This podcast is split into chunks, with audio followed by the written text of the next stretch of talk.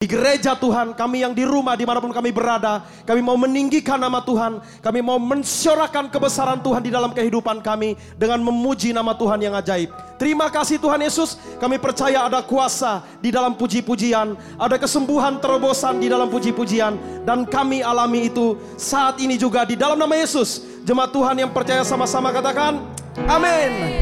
Mari kita memuji Allah kita yang dahsyat, kita bersyukur buat kebaikan Tuhan. Yang bersyukur buat kebaikan Tuhan melambaikan tangan di hadapan Tuhan. Haleluya. Terima kasih. Bersyukurlah kepada Tuhan. Sebab ia baik bawasannya. Mari sambil tepuk tangan bagi Allah kita. Haleluya. Kasih setianya. Bersyukurlah kepada Tuhan sebab ia baik. Bawasannya untuk selamanya. Kasih se mari kita puji Allah kita. Haleluya. Oh, oh, oh. serukan sama-sama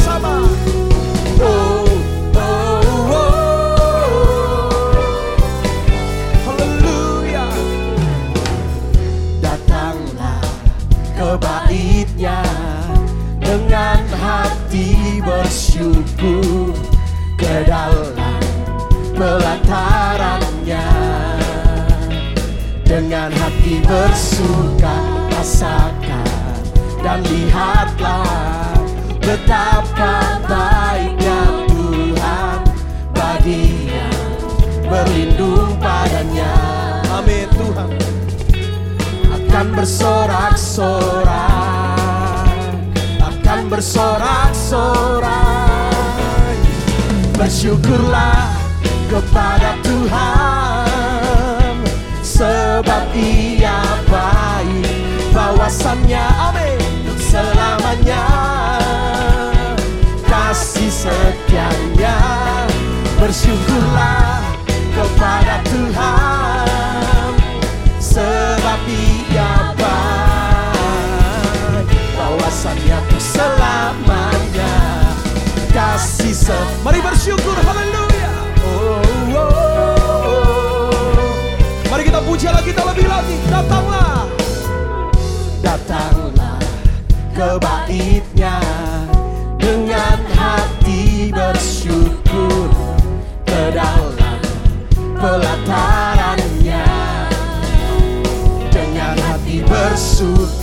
rasakan. Amin.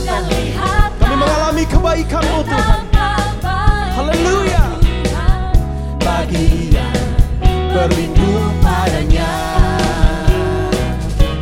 Akan bersorak-sorak akan bersorak-sorak bersyukurlah kepada Tuhan. Sebab ia baik bawasannya untuk selamanya. Amin. Kasih setianya. Bersyukurlah kepada Tuhan. Sebab ia baik. Bawasannya untuk selamanya. Kasih setia. Jemaat Tuhan yang bersyukur kita beri tepuk tangan bagi Allah kita. Kami bersyukur buat kebaikanmu Tuhan buat anugerahmu di dalam hidup kami Tuhan. Haleluya. Mari jemaat Tuhan yang percaya kita naikkan pujian ini. Bersyukurlah. Bersyukurlah. Jemaat Tuhan memuji Allah kita. Amin. Sebab ia bawasannya untuk selamanya. Amin. Kasih setianya. Bersyukurlah. Dengan semangat puji dia. Haleluya sebab ia baik. Bawasannya untuk selamanya kasih se yang mau bersyukur nyatakan. Bersyukurlah kepada Tuhan. Sebab ia baik. Bawasannya untuk selamanya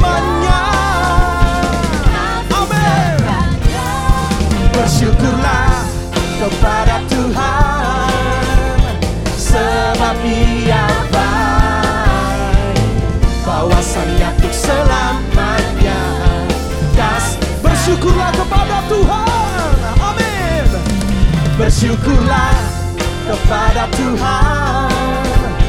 Sebab Ia baik bawasannya untuk selamanya. Kasih setianya. Bersyukurlah kepada Tuhan. Amin. Sebab Ia baik bawasannya untuk selamanya. Kasih setia bawasannya Tuhan. Bawasannya untuk selamanya. Kasih setia bawasannya amin. Bawasannya untuk selamanya. Kasih setianya. Oh. Jemaat Tuhan sama-sama serukan. Bersyukurlah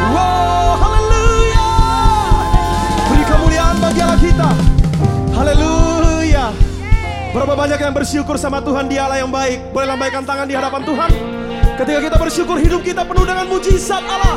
Haleluya. Sebab ada mujizat di dalam bersyukur. Haleluya. Lebih lagi kita puji Allah kita. Terima kasih Tuhan.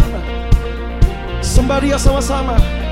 Sebelum dunia ini ada Kuasamu telah terbentang Sepanjang sejarah manusia. Tak ada yang sanggup menyangkali Kau Alfa Omega. Tuhanku luar biasa Perbuatanmu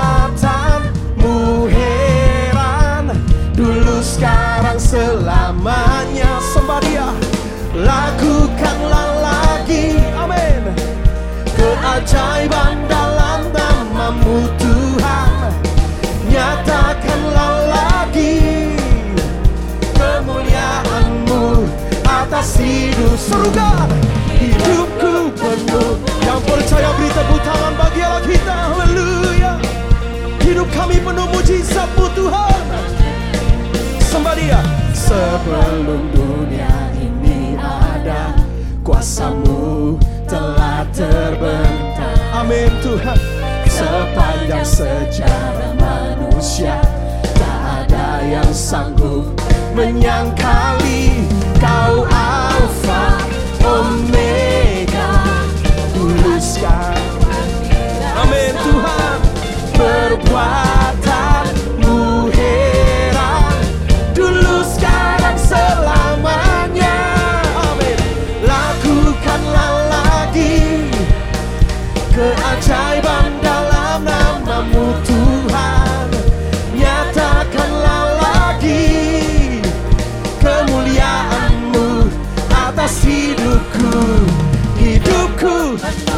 Hidupmu penuh mujizat Beri sorak-sorak bagi Allah kita. Haleluya. Kami bersyukur Tuhan. Sembah dia. Kau Alfa Omega Tuhanku luar biasa. Perbuatanmu heran. Dulu Sekali lagi kau Alfa dan Omega. Haleluya. Terima kasih Tuhan luar biasa Perbuatanmu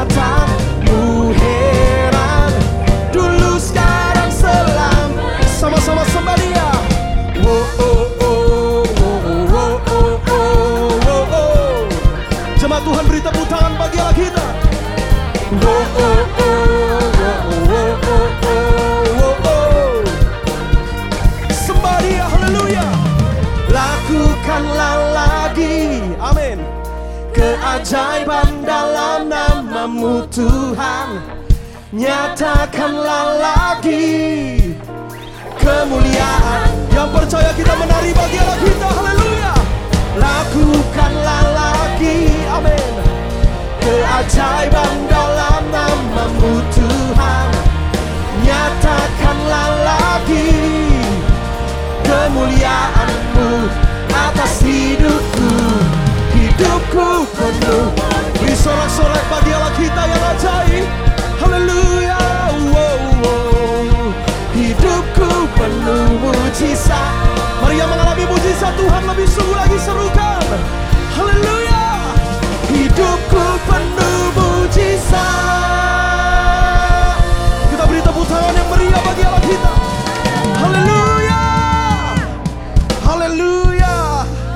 Tuhan kita dahsyat. Amin jemaat Tuhan. Berapa banyak yang mengalami mujizat Tuhan boleh lambaikan tangan di hadapan Tuhan. Kita beri sorak-sorak buat Allah kita yang dahsyat. Haleluya. Jemaat Tuhan boleh duduk kembali dalam hadirat Tuhan. Terima kasih Tuhan, selama kami hidup kami mengalami mujizat-mujizat Tuhan yang ajaib. Itu membawa kami semakin mengenal Tuhan. Semakin mencintai pribadimu Tuhan. Terima kasih. Kami hidup oh, karena percaya oleh firman Tuhan yang ada di dalam kami. Haleluya Tuhan Yesus. Mari jemaat Tuhan bawa hatimu sembah dia. Inaralalabaya sikiraralalabaya sande. Haleluya. Terima kasih Tuhan. Kami percaya janji firman-Mu Tuhan. Haleluya. Ku hidup karena percaya. Kau yang berjanji setia Pengharapanku selalu ada di dalammu Ku tidak akan menyerah. Meski dalam kesesakan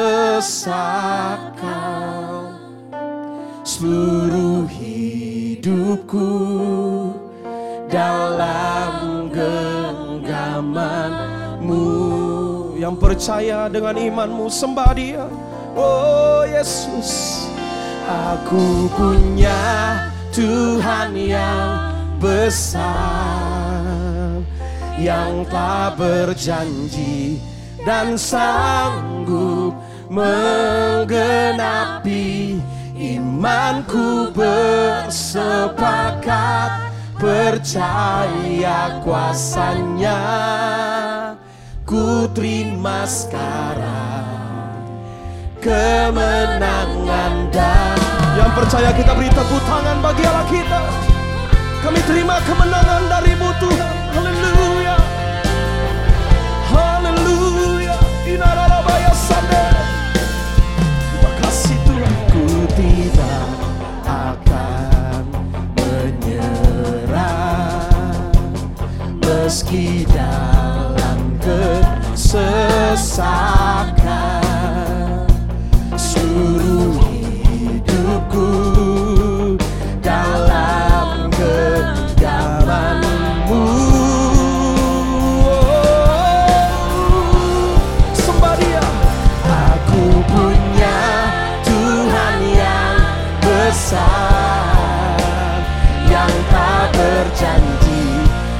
sanggup menggenapi imanku bersepakat percaya kuasanya ku terima sekarang. Amin Tuhan. Mari yang percaya terima kemenangan dari Tuhan. Aku punya Tuhan. Aku punya Tuhan yang besar sanggup menggenapi imanku bersepakat percaya kuasanya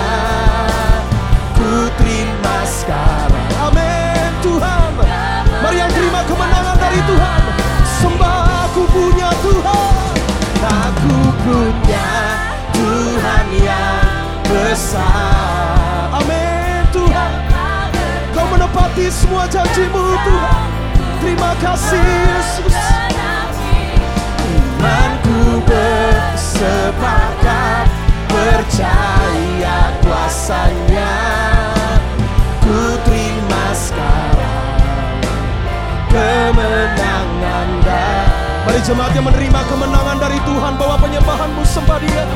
Haleluya. Inarabaya Sandel punya Tuhan yang besar.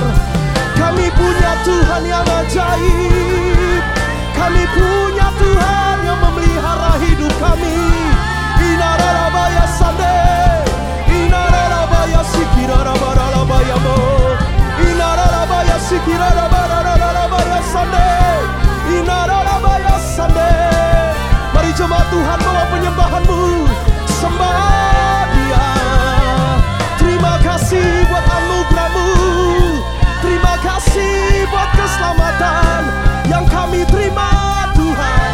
Kami bersyukur, kami memujimu Tuhan. Inarabaya sande, haleluya. Mari jemaat Tuhan sembah Allah kita. Kami punya Tuhan yang ajaib yang tak pernah meninggalkan kami. Terima kasih Tuhan. Inarabaya serarabaya mo. Haleluya. Kau Bapa yang baik. Kau Bapa yang ajaib. Mari jemaat Tuhan yang sudah mengalami kasih Tuhan. Yang mengalami mujizat-mujizat Tuhan. Sembah dia. Angkat tanganmu sembah dia. Terima kasih Tuhan menebus kami. Terima kasih Tuhan menjaga kami. Inaralabaya sande. Kami sadar kami ada hari ini Tuhan semua karena penyertaan Tuhan. Semua karena anugerah Tuhan, kemurahan Tuhan yang begitu besar di hidup kami Bapak. Oleh sebab itu kami mau datang lebih lagi. Apa pun yang kami alami saat-saat ini tidak menghalangi kami untuk kami menyembah Tuhan. Kami tetap menyenangkan hati Tuhan di hidup kami. Mari jemaat Tuhan yang mau menyenangkan Tuhan lebih lagi kita bangkit berdiri bersama-sama. Kita hormati hadirat Tuhan. Mari dengan imanmu nyatakan sambil angkat tangan kita di hadapan Tuhan. Kami punya Tuhan yang besar. Aku punya Tuhan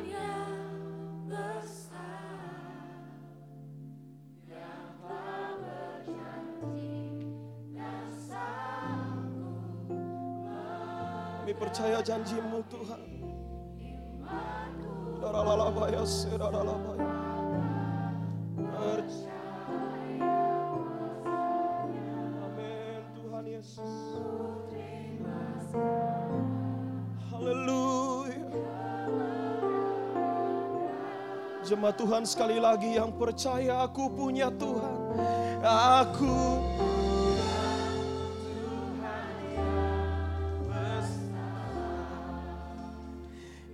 Kami pegang teguh janjimu Tuhan.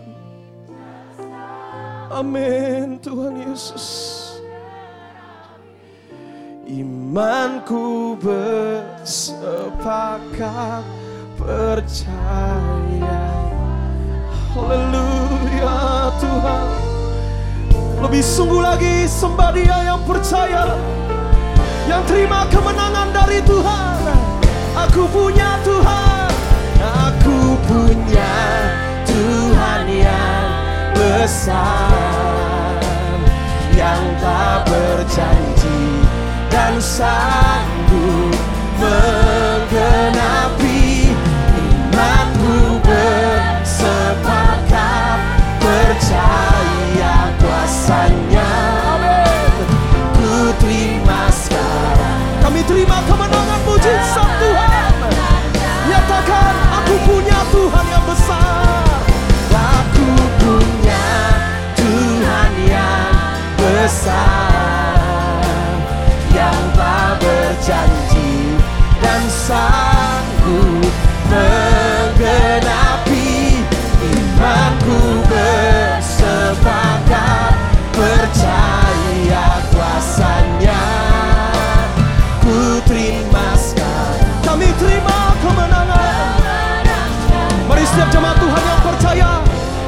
Janji Tuhan.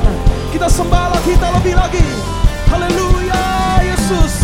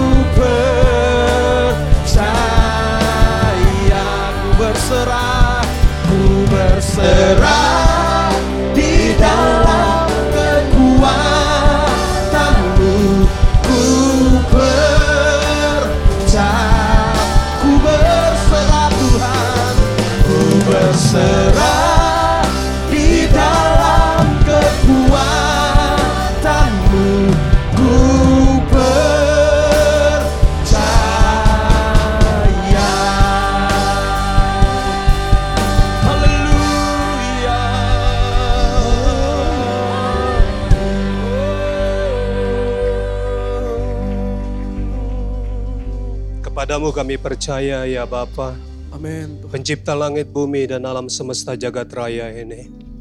Kuasamu dahsyat, maha besar engkau ya Tuhan, maha dahsyat segala perbuatan-perbuatanmu. Yes Kami memuji kebesaran, kami memuji keagunganmu ya Amin Tuhan.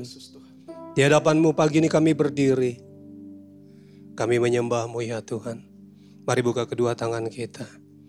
Shikarala barala basyandarala barala. Mari berbahasa roh sama-sama Shikarala barala. Biar dari dalam hati kita Roh Kudus berdoa untuk kita dengan keluhan-keluhan yang tidak terucapkan. Amin Yesus Shikarala barala barala barala barala. Kami menyembahmu ya Tuhan. Shikarala barala barala. Shikarala barala basyandarala barala. Hiarala barala barala. Engkau yang layak Tuhan. Kau yang layak, kau yang layak. Layak disembah. Layak dimuliakan. Diagungkan. Selama-lamanya. Kami sembah, kami sembah. Kami sembah Tuhan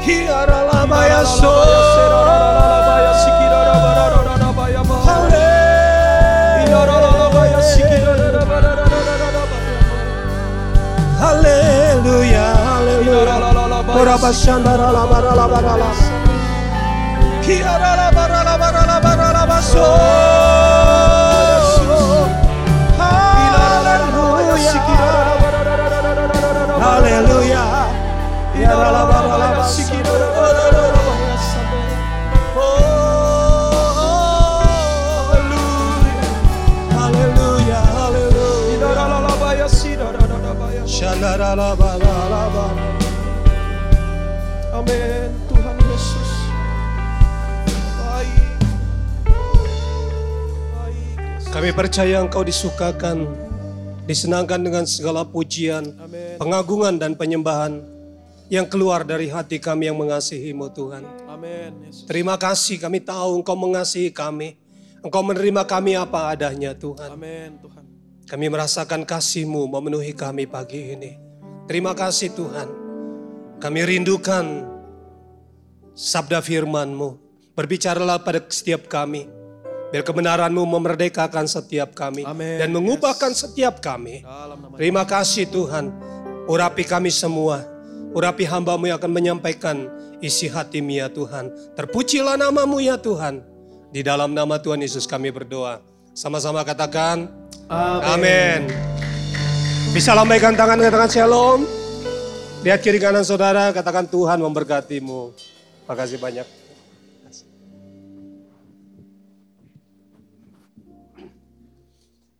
Baik, saya ingin menyapa Bapak Ibu yang di rumah. Selamat pagi, shalom. Saya percaya Bapak Ibu di rumah juga merasakan kasih Tuhan, merasakan kebaikan Tuhan. Hadiratnya nyata atas kita pagi hari ini. Hari ini saya ingin sharing dari Yohanes 21 ayat 3 sampai dengan 5. Kisah seputar kebangkitan Tuhan. Yohanes 21 ayat 3 sampai 5. Kata Simon Petrus kepada mereka, Aku pergi menangkap ikan. Kata mereka kepadanya, kami pergi juga dengan engkau.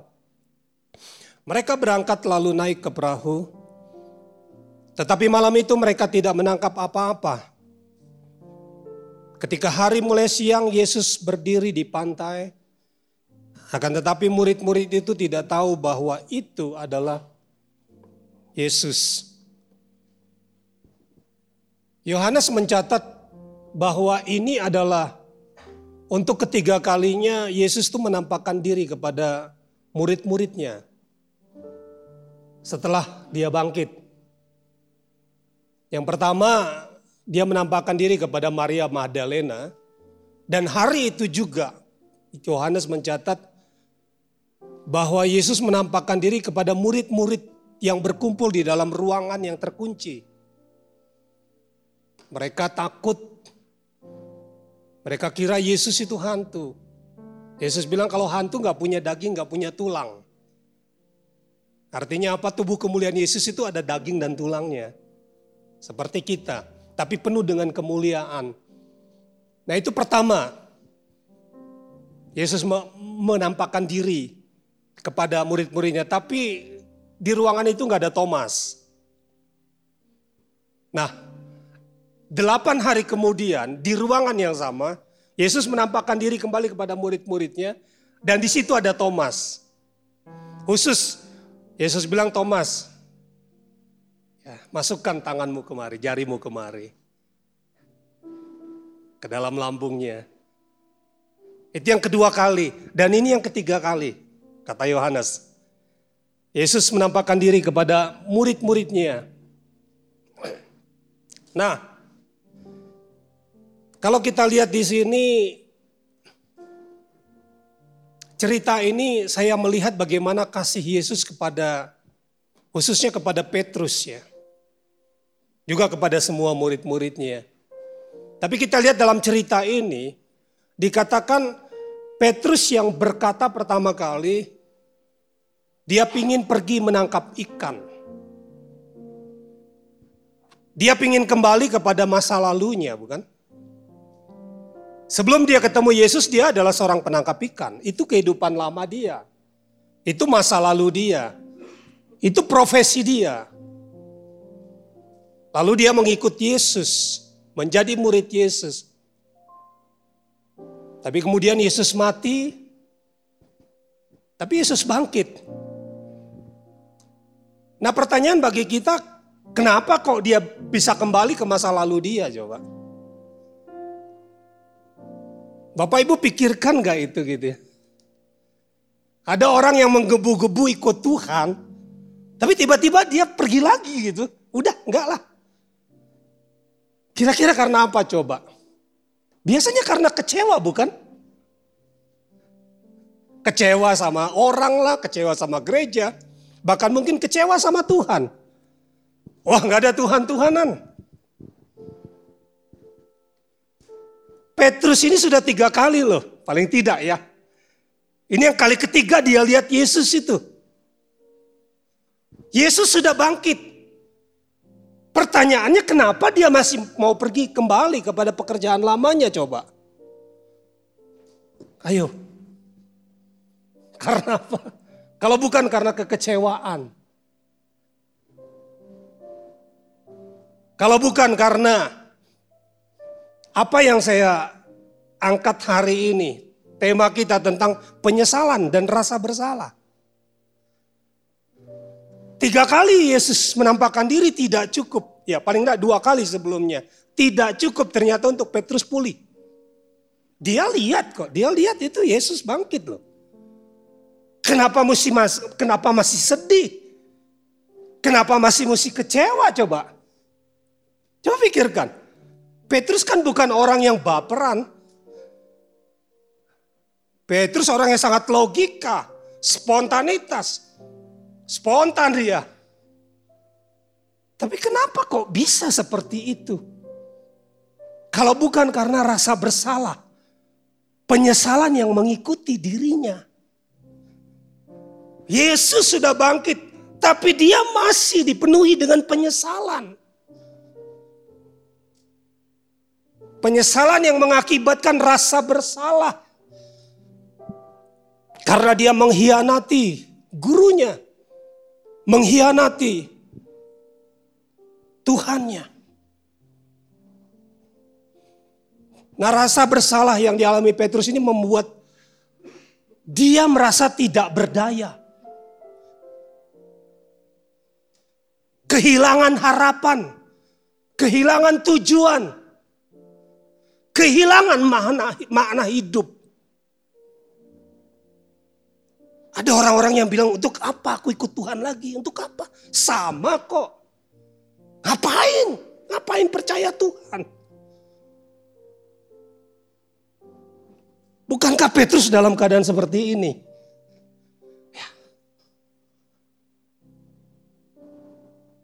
Penyesalan membuat rasa bersalah yang terus menerus menguasai pikiran hati dia, itu yang membuat dia kehilangan pengharapan, kehilangan tujuan, kehilangan mana hidup. Lalu dia kembali. Itu yang membuat dia kembali kepada pekerjaan lamanya. Kepada profesi lamanya. Karena itu Tuhan khusus menumpak, menampakkan diri sama Petrus. Karena dia sayang sama Petrus. Dia tahu Petrus harus dipulihkan dari rasa bersalahnya. Dari penyesalan-penyesalannya. Berhubungan dengan kegagalan. Kegagalannya. Nah kita lihat di sini dalam ayat ini. Orang yang hidup seperti ini. Itu akan hidup sia-sia.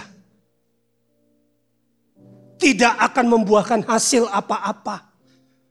Ya hanya begitu-begitu saja. Hidupnya tidak akan berbuah. Coba lihat teman-teman kita yang kecewa meninggalkan Tuhan. Ya, ya begitu-begitu aja. Jadi orang kaya, banyak orang juga jadi orang kaya di luar sana. Bukan itu tujuan hidup kita, benar? Tujuan kita adalah mengasihi Tuhan, melayani Tuhan seumur hidup kita. Sepanjang kita masih ada di bumi ini. Kita mau menyenangkan hati Tuhan. Amin. Sepanjang malam mereka tangkap ikan tidak dapat hasil apa-apa.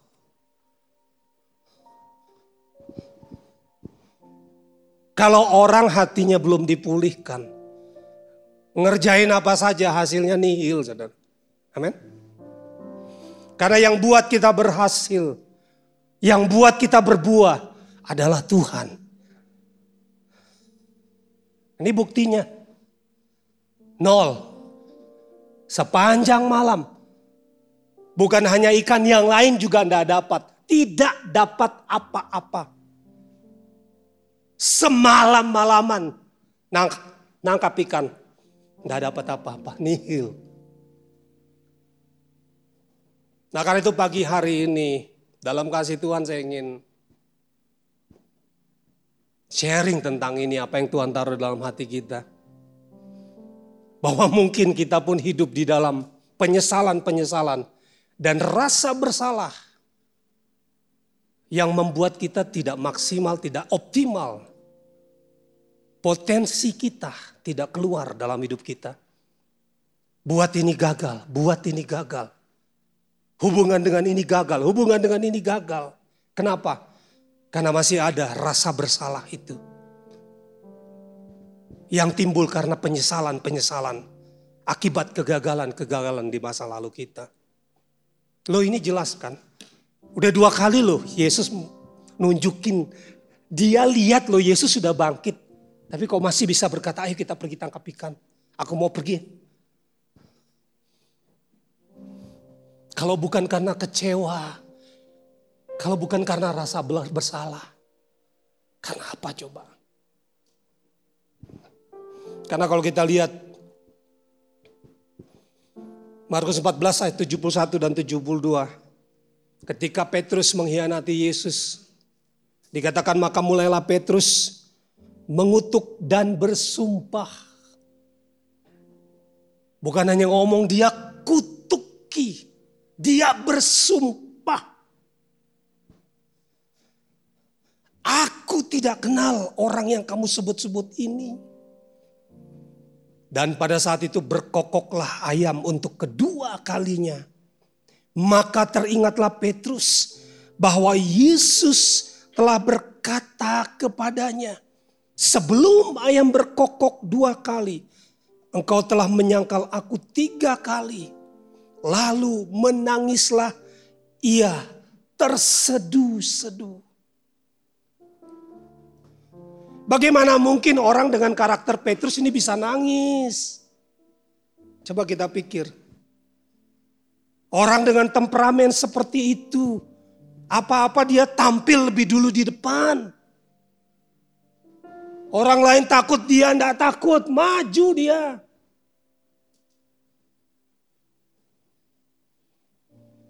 Orang yang bilang begini, biarpun mereka semua tergoncang imannya karena engkau, Aku sekali-kali tidak. Sekalipun aku harus mati bersama-sama dengan engkau. Aku tidak akan menyangkal engkau. Wih orang yang... Bagaimana mungkin orang seperti ini bisa nangis gitu loh. Saya lihat ada orang-orang seperti ini sulit untuk nangis loh saudara. Beda dengan dengan saya, saya suka nangis. Saya cengeng di hadapan Tuhan. Petrus bukan gitu tipenya. Tapi kalau sampai dia nangis nih ada apa? Nangisnya terseduh-seduh loh. Bukan nangis biasa. Terseduh-seduh gimana? Terisak-isak bukan? Ayo saudara. Petrus loh. Kenapa? penyesalan dan rasa bersalah yang amat-amat sangat. Yang ini terus terbawa sampai dengan cerita Yohanes 21 tadi. Belum bisa hilang. Ada orang-orang yang membawa rasa bersalah itu puluhan tahun saudara. Bangga sampai menjelang hari kematiannya pun masih teringat. Aduh ada satu penyesalan yang tante rasakan. Ada satu penyesalan yang om rasakan.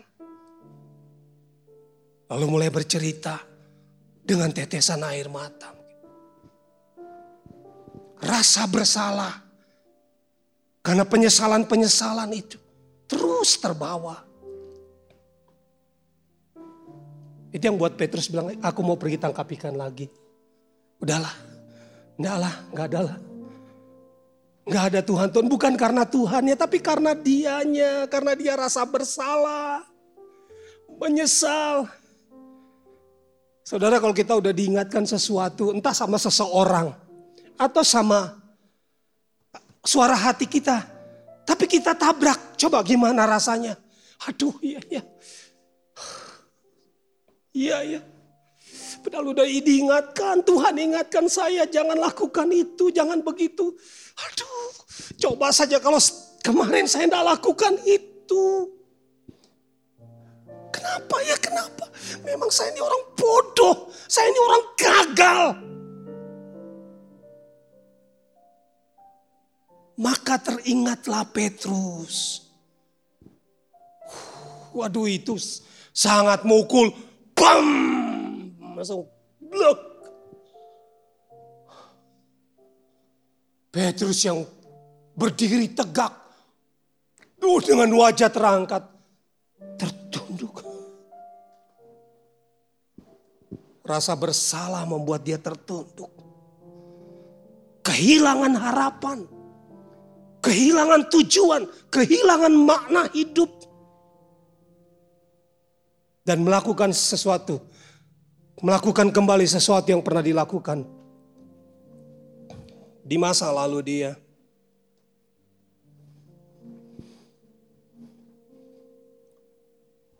Petrus ini gambaran kita, saudara.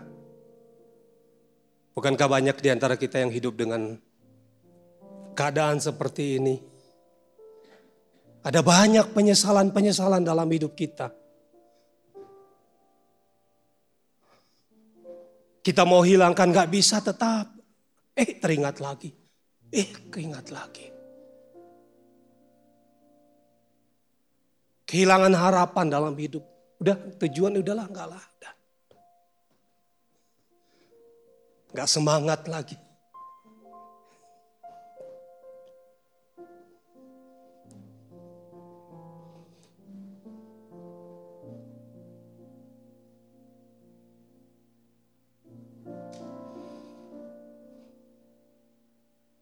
Oh iya. Ini sedikit tentang rasa bersalah. Yang saya rangkum, rasa bersalah ini adalah suatu, suatu perasaan yang menyakitkan akibat dari penyesalan diri. Karena telah melakukan sesuatu yang bersifat amoral, kesalahan, kriminal, atau dosa. Perasaan ini menyakitkan loh.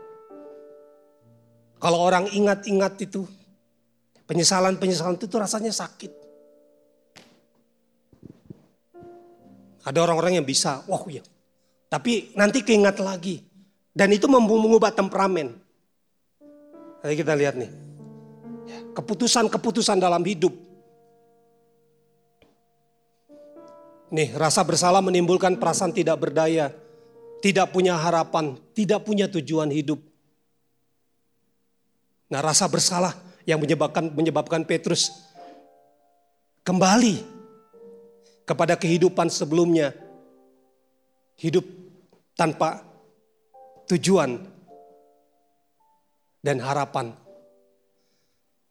Rasa bersalah bisa menyebabkan kemarahan. Karena terjebak dalam kelemahan-kelemahan dan ketidakmampuan. Orang yang merasa bersalah kalau udah ingat rasa apa yang pernah terjadi langsung diam dia. Ingat enggak waktu itu? Langsung diam. Ayo. Apa waktu itu tuh?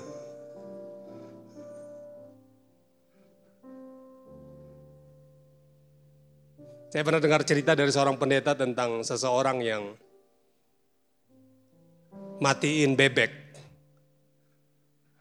Ya, dia matiin bebek namanya Joni, kebetulan sama dengan saya. Nah, kakaknya tahu dia matiin bebek ini. Kakaknya jahat, kakak punya kakaknya punya kejahatan-kejahatan. Setiap kali dia mau lapor papahnya, si kakaknya ini bilang wek wek wek wek wek wek langsung dia diam gak jadi. Kenapa dia ingat bebek yang mati gara-gara dia itu? Tiap kali dia mau ini, kakaknya, wek, wek, wek, wek, wek, wek, wek. Membuat dia nggak berdaya.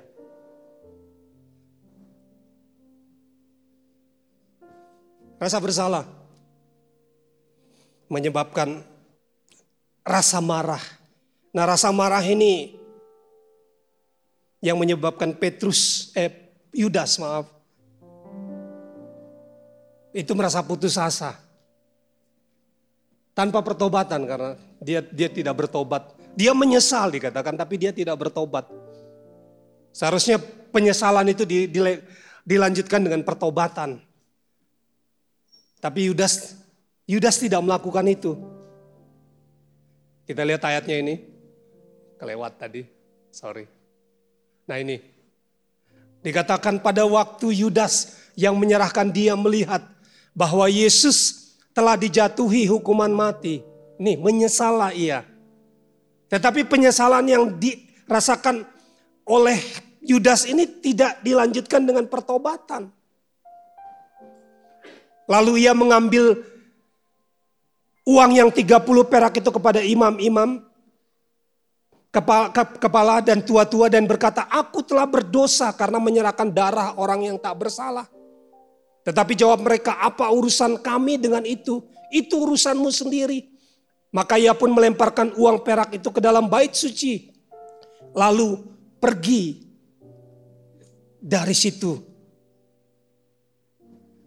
Yudas menyesal karena telah menyerahkan gurunya, menyerahkan Tuhannya. Di sini dikatakan dia mengaku dia berdosa. Tetapi dia tidak bertobat. Dia berusaha untuk memperbaiki keadaan itu.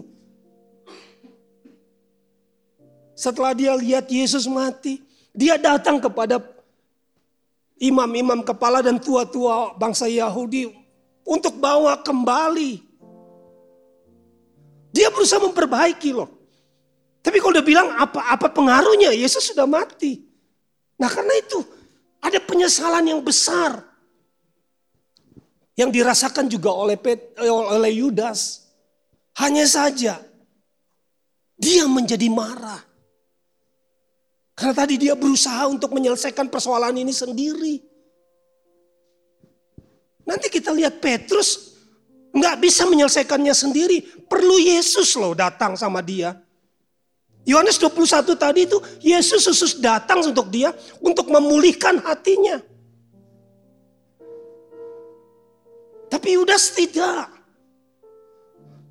Ya. Marah dia. Dia lemparin uang itu. Dia pikir mungkin dengan begitu Yesus bisa hidup lagi. Kan enggak. Kemarahannya besar marah sama imam-imam kepala, tua-tua Yahudi. Dia juga marah sama diri sendiri. Karena sudah melakukan itu. Marah. Dan itu yang membuat akhirnya dia mengambil keputusan untuk menggantung dirinya. Nah kalau kita lihat ini semua bukankah ini dari penyesalan-penyesalan yang mengakibatkan rasa bersalah. Karena melakukan kegagalan, melakukan kesalahan, melakukan sesuatu yang amoral, yang kriminal mungkin, melakukan dosa, membuat kita ada dalam keadaan tidak berdaya. Ya, sudahlah, beginilah. Kita lupa dengan janji-janji Tuhan yang mau pakai hidup kita. Mau memberkati supaya kita jadi berkat. Dan seterusnya. Kita lupa dengan semua itu. Seperti Petrus bilang, udah nggak ada lagi. Udah. Kembali lagi. Melakukan seperti yang dulu dilakukan. Ya kami melayani banyak orang masalahnya. Kami lihat semuanya ini. Ada seorang yang, waduh, setelah ikut CG, wah dia sukacitanya luar biasa. Waktu di CG saya lihat waktu waktu waktu dia dipulihkan, wih menari-nari dia. Apalagi waktu dinyanyikan sayang-sayang disayang. Aku disayang, wah muter. Dia datang di rumah doa kita juga menari-nari nangis. Bersaksi tentang pertolongan Tuhan.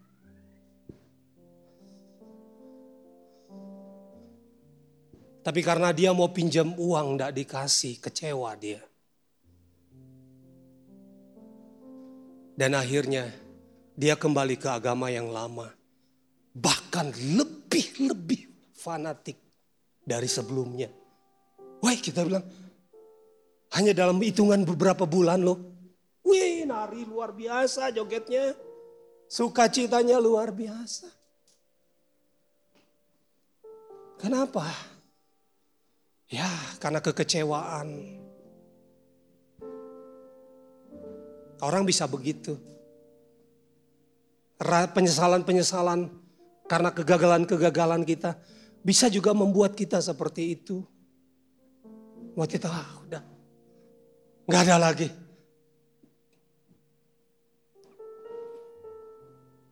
Nah, pagi hari ini, ini beritanya. Saya melihat bagaimana setelah Tuhan Yesus bangkit, dia khusus ya, khusus datang kepada Petrus. Untuk apa? Untuk memulihkan Petrus. Hati Petrus perlu dipulihkan. Yesaya 53 ayat 3 sampai 5 berkata bahwa dia dihina dan dihindari orang. Seorang yang penuh kesengsaraan dan yang biasa menderita kesakitan. Ia sangat dihina. Orang-orang menutup muka menutup muka terhadap dia. Tetapi sesungguhnya penyakit kitalah yang ditanggungnya dan kesengsaraan kita yang dipikulnya. Dia tertikam karena pemberontakan kita. Dia dirumuhkan karena kejahatan kita. Ganjaran yang mendatangkan keselamatan bagi kita ditimpakan kepadanya. Dan oleh oleh, oleh bilur-bilurnya kita menjadi sembuh. Dia dihina, diolok-olok. Supaya kita nggak perlu lagi merasa malu, merasa bersalah. Dia menanggung semua kesalahan kita Supaya kita tidak perlu lagi punya rasa bersalah. Kalau Tuhan sudah ampuni, Tuhan juga mengampuni semua kegagalan-kegagalan kita. Yesus katakan amin. Sepanjang perjalanan penderitaan itu, coba kita lihat apa. Itu bicara tentang kasih bukan? Bagaimana kasih kasih Tuhan kepada kita, kasih Tuhan kepada dunia ini. Dia menanggung itu semua. Supaya kita tidak mengalaminya lagi. Supaya jangan masa lalu kita terus membayangi kita. Membuat kita menyesal, menyesal. Dan terus dalam rasa bersalah kita. Seperti yang dialami Petrus. Kasih Tuhan yang memulihkan dunia ini. Kasih Tuhan yang memulihkan kita semua. Amin. Ini bicara semua penderitaan hinaan ini itu bicara tentang kasih. Apa yang dia lakukan. Pengampunan yang dia berikan kepada dunia ini. Pengampunan yang dia berikan kepada kita semua. Itu yang akan memulihkan kita. Sekali lagi kalau Tuhan mengampuni kita, Kenapa tidak kita mengampuni diri kita sendiri? Amin. Ada orang-orang yang terus menyalahkan diri. Personalisasi namanya. Semua, oh itu salah saya, salah saya, saya salah, saya salah, ya saya salah. Tapi rasa salah itu rasa salah yang palsu sebenarnya. Bukan karena kesalahan benar-benar karena kesalahan kita. Mungkin orang lain yang bersalah. Ada anak yang merasa terus bersalah. Dari kecil dia merasa bersalah. Kenapa? Karena dia bilang begini, gara-gara saya lahir mama saya mati. Dia hidup terus dengan rasa bersalah itu. Saya pernah melayani orang seperti itu. Susah dia untuk move on. Potensinya menjadi terhambat. Gak bisa keluar. Lakukan ini gagal, lakukan itu gagal. Kenapa? Karena rasa bersalah tadi. Mau apa saja rasa bersalah. Bersalah. Yesus mengalami semua itu untuk kita semua. Supaya kita tidak perlu lagi menanggung kesalahan itu. Kita tidak perlu merasa bersalah terus. Amin. Karena Yesus sudah mengampuni semuanya. Yesus sudah lakukan itu.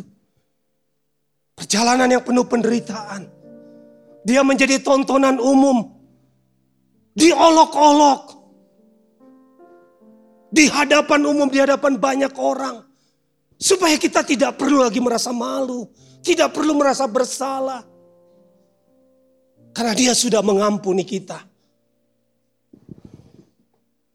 Karena itu ini yang dilakukan oleh Yesus.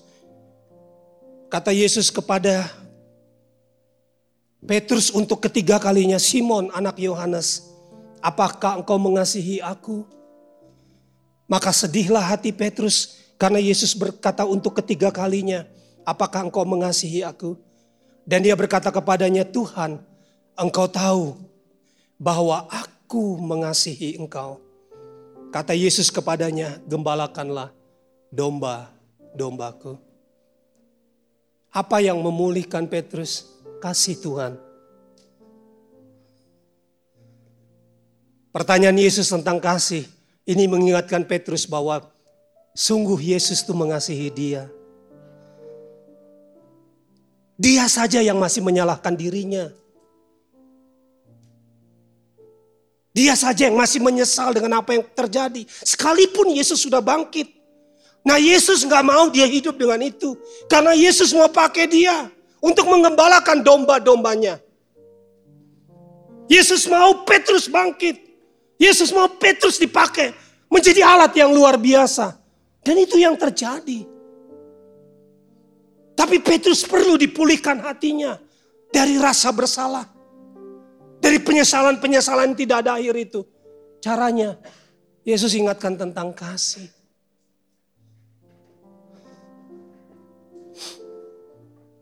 Dua kali Yesus bertanya sama Petrus, apakah engkau mengasihi aku? Kata kasih yang dipakai itu adalah agapau. Ini kasih yang datangnya dari hati. Dari sebuah hubungan yang benar-benar dekat. Kalau kita bilang agapau, agape, itu bicara tentang kasih tanpa syarat.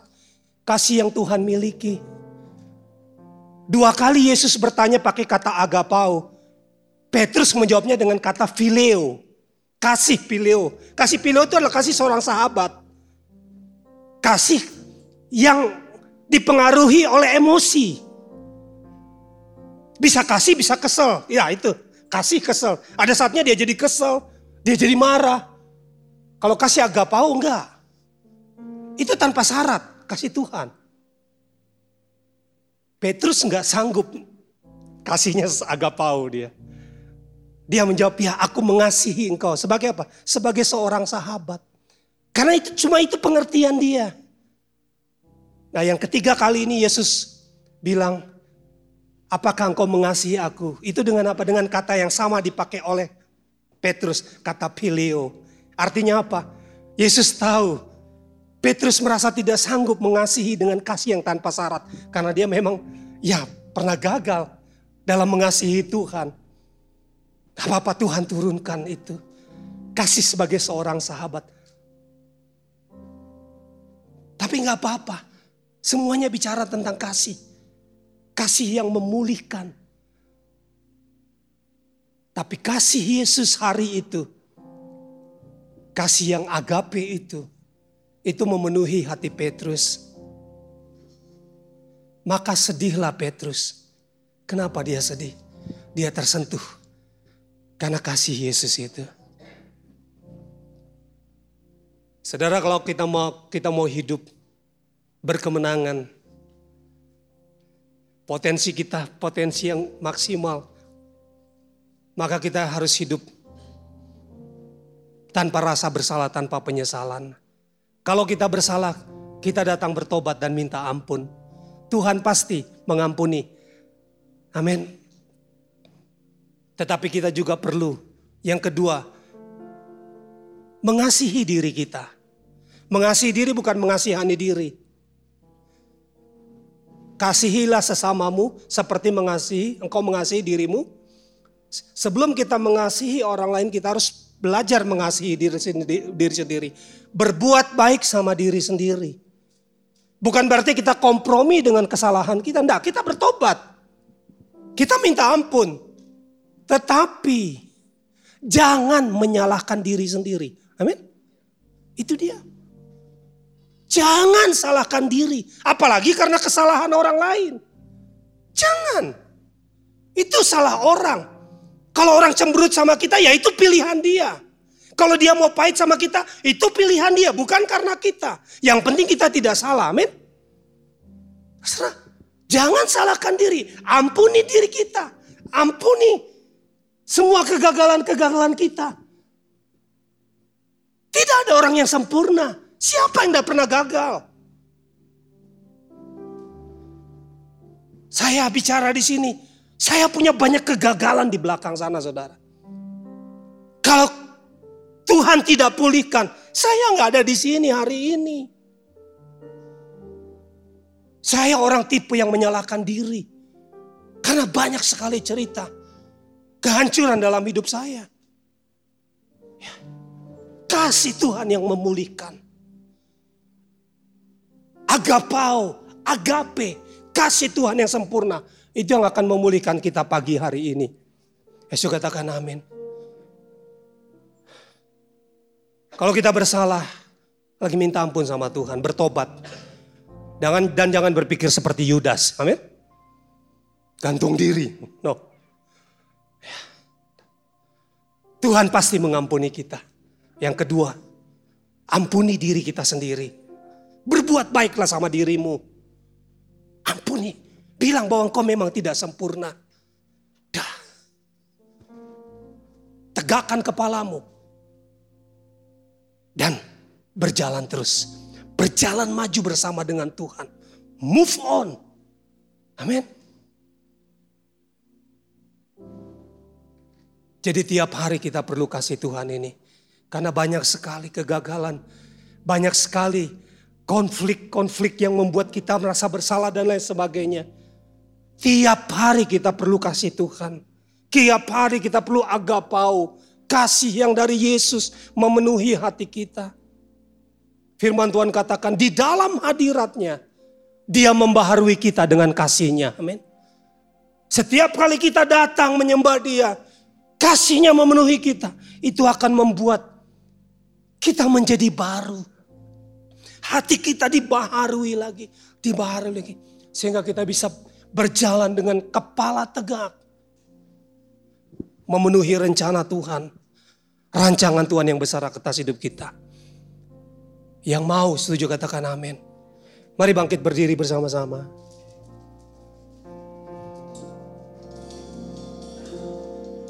Kasih Yesus indah dalam hidupku Menghiasi hati dan jiwaku. Ku tak dapat hidup tanpa kasihmu Tuhan. Pegang tanganku sepanjang jalanku. Kasih Yesus, kasih Yesus indah dalam hidupku. Menghiasi hati dan jiwaku. Ku tak dapat hidup tanpa kasihmu Tuhan pegang tanganku sepanjang jalanku. Mari angkat tangan kita katakan, kasih Yesus membebas dalamku seperti sungai yang tak pernah kering. Kasih Yesus membebas hatiku. Dalam kasihmu ku merasa teduh kasih Yesus. Kasih Yesus mengalir dalamku. Seperti sungai yang tak pernah kering. Kasih Yesus membebas hatiku. Dalam kasihmu ku merasa teduh. Saudara, pagi hari ini mungkin ada di antara kita yang seperti Petrus. Masih ada masa lalu kita, kegagalan-kegagalan kita yang membuat penyesalan dalam diri kita. Kita belum bisa move on. Karena bayangan kegagalan masa lalu ini terus mengikuti kita. Kita hidup nggak maksimal. Gagal, gagal tanpa hasil. Ini saatnya kita dipulihkan oleh Tuhan. Saat ini dia hadir di sini untuk memulihkan kita. Seperti dia hadir datang menjumpai Petrus, khusus bertanya sama Petrus. Saudara kasih Tuhan, itu yang akan memulihkan kita. Berapa banyak Bapak Ibu Saudara yang mengalami ini, semua tutup mata, tundukkan kepala. Hanya engkau yang tahu. Pagi hari ini biarkan kasih Tuhan memulihkan hatimu. Di dalam hadirat Tuhan, biarkan Tuhan menjamamu. Saudara yang mengalami ini, seperti Petrus ini,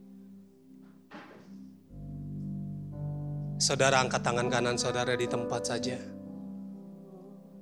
Bilang Tuhan ini aku Tuhan.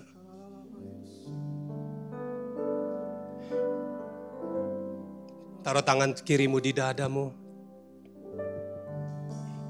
Bilang Tuhan ini aku. Kalau itu karena kesalahanmu, kesalahan yang fatal, minta ampun sama Tuhan. Dan saya percaya Tuhan sudah ampuni. Tapi sekali lagi, saudara katakan itu. Tuhan ampuni aku. Karena masalah ini. Masalah yang menghantui saudara selama ini. Karena waktu itu aku melakukan ini. Tuhan ampuni aku. Ampuni aku Tuhan. Ampuni aku. Ampuni aku dalam nama Tuhan Yesus. Penuhi hatiku dengan kasih-Mu. Dalam nama Tuhan Yesus. Dalam nama Tuhan Yesus. Tuhan mengampuni setiap anak-anakmu. Dari setiap kegagalan yang pernah dilakukan mereka di masa lalu. Yang menghantui mereka. Yang membuat rasa bersalah terus-menerus yang tidak pernah ada akhirnya. Tuhan engkau mengampuni. Darahmu Tuhan yang menyuci yang telah menyucikan anak-anakmu, bilur-bilurmu yang menyembuhkan hati anak-anak. Saat ini saudara taruh tangan kanan saudara di belakang kepala saudara. Bilang dalam nama Tuhan Yesus. Aku mengampuni diriku sendiri. Aku berdamai dengan diriku. Saudara ampuni di saudara diri saudara sendiri. Ampuni, bilang aku bukan Aku orang yang tidak sempurna. Ampuni. Aku mengampuni diriku. Dan saat ini aku mau melupakan semua kejadian ini dalam nama Tuhan Yesus. Dalam nama Tuhan Yesus.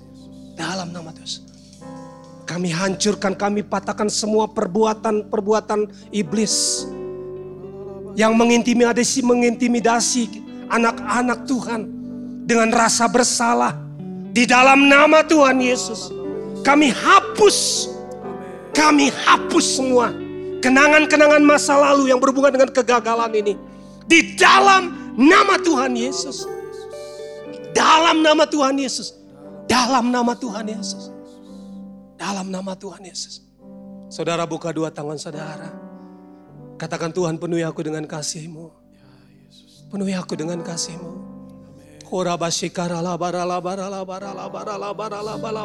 Ya penuhi kami dengan kasih-Mu Tuhan. Penuhi kami dengan kasih-Mu.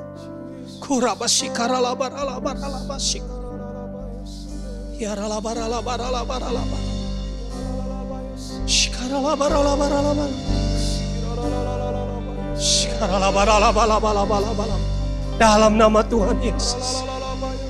Kasih Tuhan memulihkan anak-anakmu.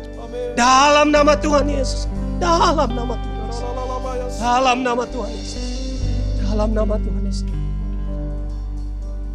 Kasih Yesus mengalir.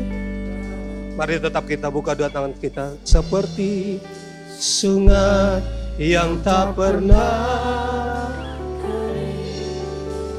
kasih Yesus membebas hatiku dalam kasihmu ku merasa Saudara sendiri katakan kasih Yesus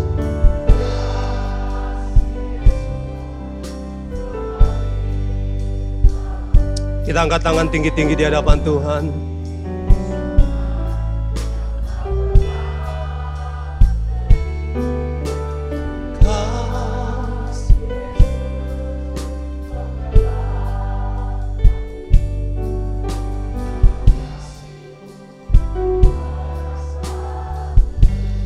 Kasihmu, dalam kasihmu, ku merasa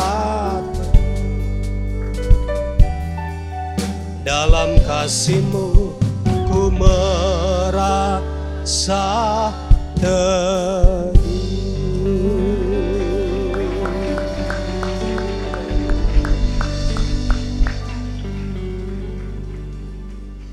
Kasihmu yang membebat hati kami, kasihmu yang akan terus menyembuhkan dan memulihkan hati kami.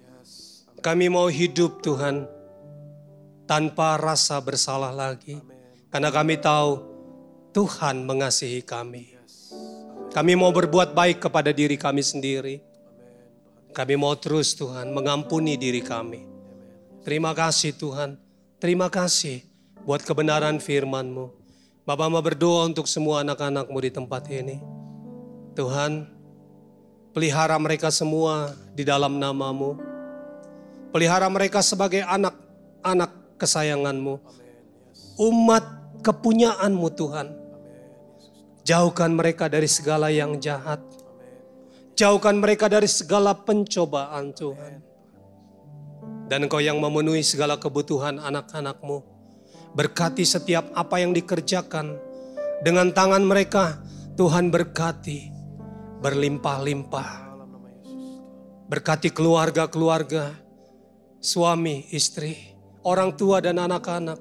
Kasih Kristus ada dalam kehidupan kami Tuhan. Ada dalam keluarga kami yang membuat kami akan saling mengasihi. Hidup di dalam kasih yang harmonis satu dengan yang lain. Terima kasih kami bersyukur Tuhan. Kami bersyukur Tuhan. Kami juga mengucap syukur untuk setiap persembahan, setiap kolekte, persepuluhan yang dibawa oleh anak-anakmu ya Tuhan ke dalam rumahmu. Untuk pemeliharaan rumah Tuhan. Dan untuk pemeliharaan kehidupan para imam. Tuhan berkati setiap persembahan ini. Yang dipersembahkan dengan sukacita. Tuhan berkati berlimpah-limpah. Apa yang ditabur dituai anak-anakmu Tuhan. Terima kasih kami berdoa untuk semua pemimpin-pemimpin kami pemimpin rohani kami. Kami berdoa untuk Pak Budiman, Pak Lukas Suherli, Lukas Yonatan. Tuhan memberkati mereka semua, semua gembala-gembala cabang bersama keluarga. Tuhan memberkati dan melindungi hamba-hambamu ini. Seluruh pekerja dan seluruh umat GBPPL ini ada dalam perlindungan Tuhan. Terima kasih kami berdoa untuk kota kami. Tuhan damai sejahtera untuk kota Bandung. Kami minta keamanan, ketertiban Tuhan atas kota kami ini. Engkau yang berjaga-jaga atas kota yang kami cintai ini. Kami juga memberkati negeri kami, negeri Indonesia ini Tuhan. Tuhan memberkatinya. Kami berdoa curahkan roh kudusmu Tuhan. Hujan pertobatan pada akhir zaman ini. Untuk membawa orang-orang di bangsa ini datang kepadamu ya Tuhan. Nyatakan kuasamu, jamah hati setiap bangsa kami Tuhan. Berkati tanah negeri kami Tuhan, berkati hasil laut, hasil sungainya, hasil kebunnya, kehutannya, pertambangannya, berkati semua. Kasih orang-orang yang takut akan Tuhan untuk mengelola keuangan, mengelola kekayaan negeri kami untuk kemakmuran seluruh rakyat negeri ini. Berkati Pak Joko Widodo, berkati Pak Maruf Amin, berkati para menteri, pejabat pemerintahan dalam menjalankan pemerintahan ini. Berikan roh takut akan Tuhan kepada mereka. Berikan hikmat untuk menyelesaikan persoalan-persoalan bangsa ini. Terima kasih Tuhan. Kami berdoa untuk pemilu 24 Tuhan. Kami percaya Tuhan sudah memilih seorang pemimpin yang takut akan Tuhan. Pemimpin yang baik. Pemimpin yang punya hikmat untuk menyelesaikan persoalan-persoalan bangsa ini. Biar Tuhan taruh dalam hati setiap kami bangsa ini untuk memilih presiden kami tahun depan Tuhan. Terima kasih Tuhan. Sebentar kami mau tinggalkan tempat ini. Mari saudaraku angkat kedua tanganmu. Pulanglah sebab Tuhan memberkati keluar dan masukmu. Tuhan memberkati buah kandungan, anak-anak, cucu dan keturunanmu. Tuhan memberkati ladang, usaha, pekerjaan, sekolah, studimu. Tuhan melindungi engkau di segenap jalanmu. Ia menyinari engkau dengan wajahnya, memberi engkau kasih karunia. Ia menghadapkan wajahnya kepadamu, memberi engkau damai sejahtera. Hikmat, kekuatan, dan sukacita yang berlimpah dari Bapa di sorga. Cinta kasih anugerah Tuhan Yesus Kristus. Persekutuan penghiburan roh kudus menyertai saudara pagi ini. Sampai Tuhan sudah datang kali kedua. Bahkan sampai selama-lamanya. Di dalam nama Tuhan Yesus. Sama-sama katakan. Amin. Amin. Selamat pagi. Tuhan Yesus memberkati Bapak Ibu semua.